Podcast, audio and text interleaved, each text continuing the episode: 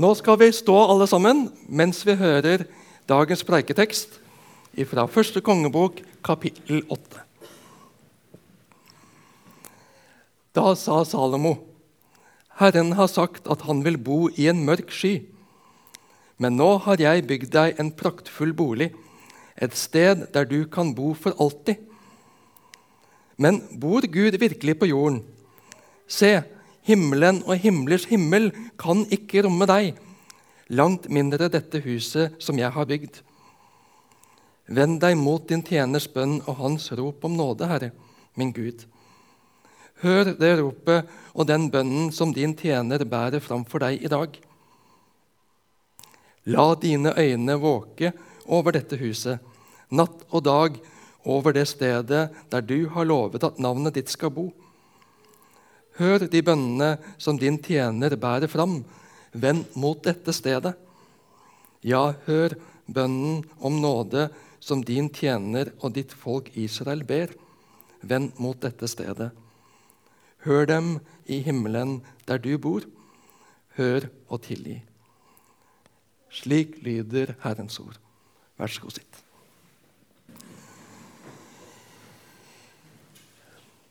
Det handler om hus i dag. Hvem er ikke opptatt av hus? Vi bygger hus, vi kjøper hus, vi selger hus, vi investerer i hus, vi pusser opp hus, vi tar vare på hus, vi drømmer kanskje om et bedre og større hus.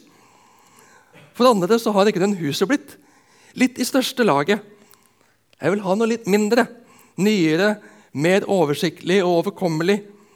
Noe mer praktisk. Hus opptar oss. Det er det ingen tvil om. Og I avsnittet vi nettopp leste sammen, så er det kong Salomo som fører ordet. De har nettopp bygd hus hus for Gud. Et tempel. Det store, flotte tempelet i Jerusalem som sto ferdig ca. år 960 før Kristus. Etter en byggeperiode på sju år så står det etterpå, rett etterpå at han brukte 13 år på kongeborgen. Ja, ja, det er vel sånn vi er, vi mennesker. Han hadde tidlig satt 30 000 mann i pliktarbeid på skift for å hente tømmer. Sedertre fra Libanon. 10 000 mann hver måned. Én måned på, to måneder av. Salomo hadde 70 000 bærere, 80 000 steinhoggere i fjellet og 3300 arbeidsformenn. Det er ikke noe lite prosjekt å bygge Guds tempel. Selve tempelet ble reist med forhold, tilbygg og siderom, og innerst i tempelet var det aller helligste. Salomo kledde huset med gull innvendig. Det var flotte utskjæringer av kjeruber, palmer og utsprungne blomster, også de kledd med gull. Og så kommer all innredningen og utstyr i tillegg. Tempelet var stort. Det var praktfullt. Det var Israels stolthet på mange måter. De valfartet dit til høytider. Det var sentrum i landet. Dit kom de for å tilbe Gud, hylle Gud, ofre og be til Gud. Og Vi også bygger Guds hus. Mange var med og ofret og ba og la ned masse krefter for å reise dette bygget for om lag 30 år siden. Misjonshuset som vi er så glad i. Og I disse dager er en prosjektgruppe i gang som utreder på vegne av styret behov i forsamlingen vår for virksomheten framover, og hvilke muligheter vi har ved ombygging, utbygging, opprusting av huset for å vokse og være framtidsretta. Og alle som kjenner på en tilhørighet til Misjonshuset, er utfordra til å svare på en spørreundersøkelse. Den har gått ut på e-post til alle medlemmer, og den må gjerne spres. Og Har du ikke fått linken, så spør oss, så vil vi med glede sende den til deg. Den er også tilgjengelig på papir på bordet bak der, og jeg har flere oppe for de som kanskje foretrekker det. Det er viktig for oss å få fram hva som er viktig for den enkelte og for helheten i menigheten vår, i forsamlingen vår. Hus er viktig for oss. Misjonshuset er viktig for oss. Vi bruker mye tid og krefter på å ta vare på og utvikle Misjonshuset og alt som skjer mellom veggene her. For det er ikke vårt hus. Det er Guds hus. Det er reist til ære for ham, til tjeneste for ham. Gud er her i sitt hus. Og her får vi møte Gud. Så er det flott, det som Salomo setter ord på. Herren har sagt at han vil bo i en mørk sky, begynner han. Da israelsfolket ble befridd fra slaveriet i Egypt, og de vandret gjennom ørkenen på vei til det lovede land, så var Gud sammen med dem også der. Han viste seg for dem som en skysøyle om dagen og en ildsøyle om natten. Han var med dem, han var nær dem gjennom hele vandringen, gjennom 40 lange år i ødemarken, i en sky. Og Salomo fortsetter slik.: Men nå har jeg bygd deg en praktfull bolig, et sted der du kan bo for alltid. Salomo har oppgradert Guds innkvartering fra en sky til et praktfullt tempel. Se hva vi har fått til, Gud! Se hva vi har bygd for deg!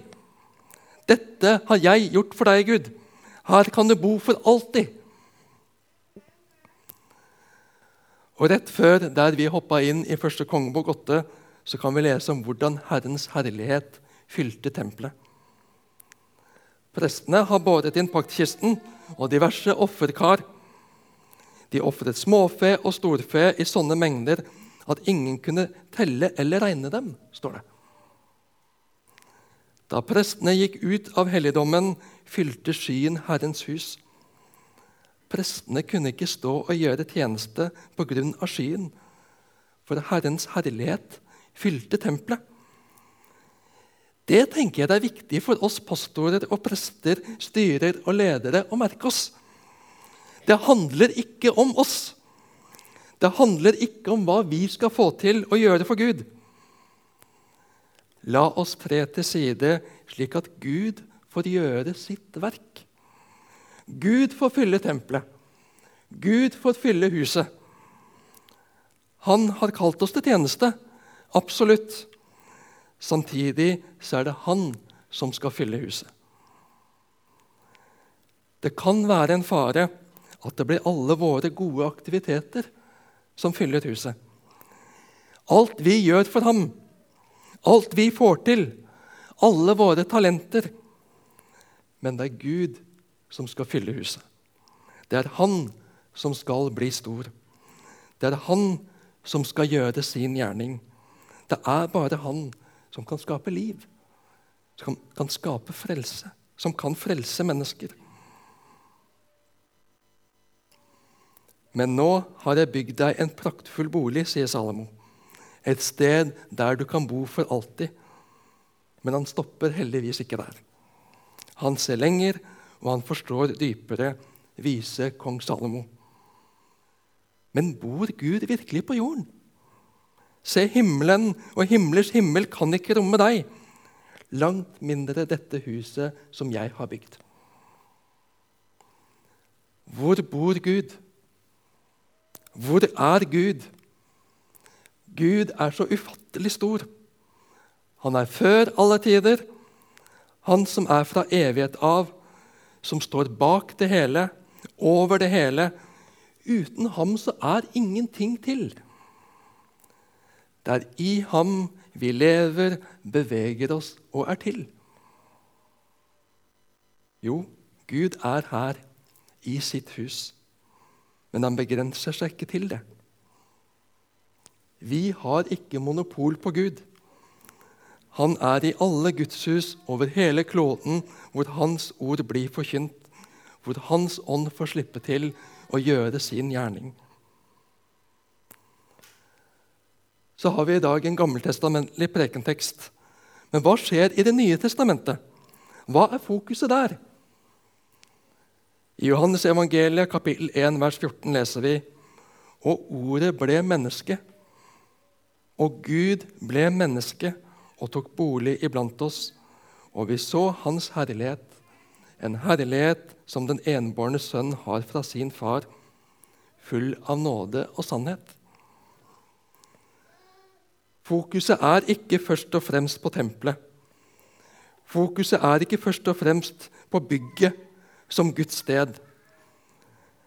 Gud er nær i Jesus. Det er gjennom Jesus vi kan ha relasjon til Gud. Så kan vi spørre oss selv Måten vi praktiserer vår kristne tro på, prøver vi å stenge Gud inne i kirke- og forsamlingsbyggene våre? Er det bare her Gud er, liksom? Det er jo ikke det. Gud er overalt, det vet vi jo. Og vi påberoper oss jo å ha Gud i hjertet og ha Jesus i hjertet, vi som tror på Han. I Efeserne 2 så leser vi dere er bygd opp på apostlenes og profetenes grunnvoll med Kristus Jesus som hjørnestein. Han holder hele bygningen sammen så den vokser til et hellig tempel i Herren. Og i ham blir også dere bygd opp til en bolig for Gud, i Ånden. Ja, I 1. Korinterbrev 6,19 leser vi at vi er templer for Gud. Vi er templer for Den hellige ånd. Jeg vil driste meg til å si at vi er vel så viktige templer for Gud enn alle kirke- og forsamlingsbygg, på den måten at Gud lever ikke i døde bygg, men i levende mennesker som lever for og med og i ham. Vi skal få ære og tilbe Gud gjennom Guds hus. Ikke at han trenger hus å bo i, men husene kan hjelpe oss til å samles og tilbe ham. Lytte til ham i fellesskap. Ære og prise ham. Løfte opp våre bønner til ham i fellesskap. Undervise, veilede og hjelpe hverandre på veien hjem til far. Men vi må ikke lure oss sjøl, så vi begrenser Gud eller rettere sagt begrenser Guds plass i våre liv, i vår hverdag, i vår bevissthet, i vår væremåte, ved å tenke at Gud har jeg å gjøre med når jeg er i misjonshuset, eller når jeg er på bibelgruppe eller misjonsforening. Du er et tempel for Gud. Din kropp, ditt hjerte, ditt sinn, ditt liv er et tempel for Gud. I møte med medstudenter, i møte med kollegaer, i møte med naboer, i møte med familiemedlemmer er du med og formidler Guds nærvær. Han er i deg. I 2. Korinterbrev 4,67 så leser vi For Gud som sa lys skal stråle fram fra mørket, han har også latt lyset skinne i våre hjerter for at kunnskapen om Guds herlighet i Jesu Kristi ansikt skal lyse fram. Men vi har denne skatten i leirkrukker, for at den veldige kraften skal være fra Gud og ikke fra oss selv.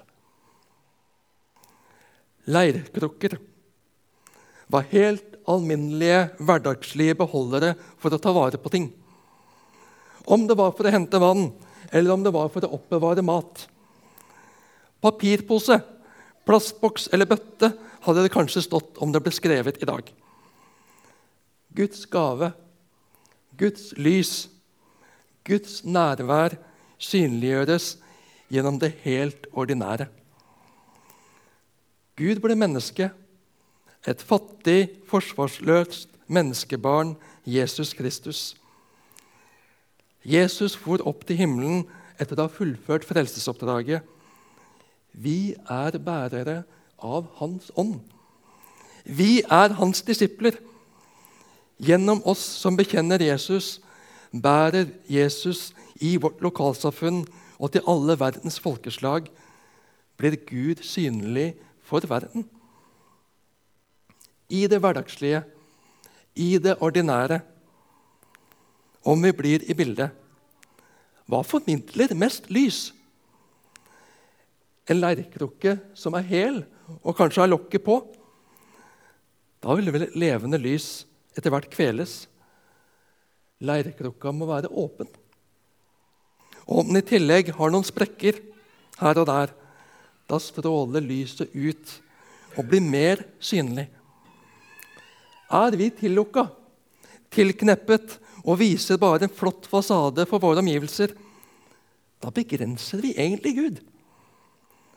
Men når vi er ærlige med våre liv, med våre sprekker og sår, om det vi ikke fikser, at vi er avhengige av Gud, da får lyset i oss bli mer synlig for de rundt oss.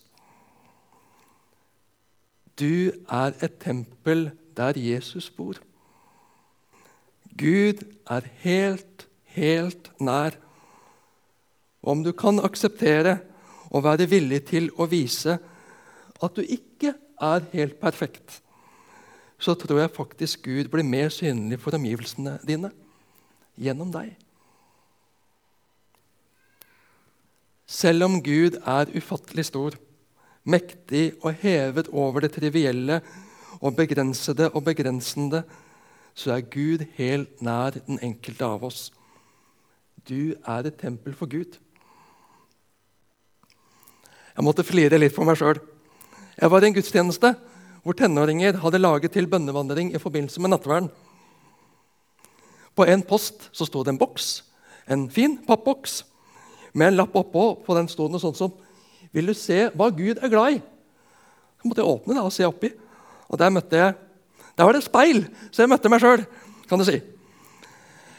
Vil du se hva Gud er glad i? Se i speilet. Gud er glad i deg. Jesus elsker deg. Du er verdifull for ham. Så høyt elsket at han ofret livet sitt for deg for å berge deg. For å gjøre deg til et tempel der Jesus bor, der Gud bor. Fredrik er et tempel for Gud.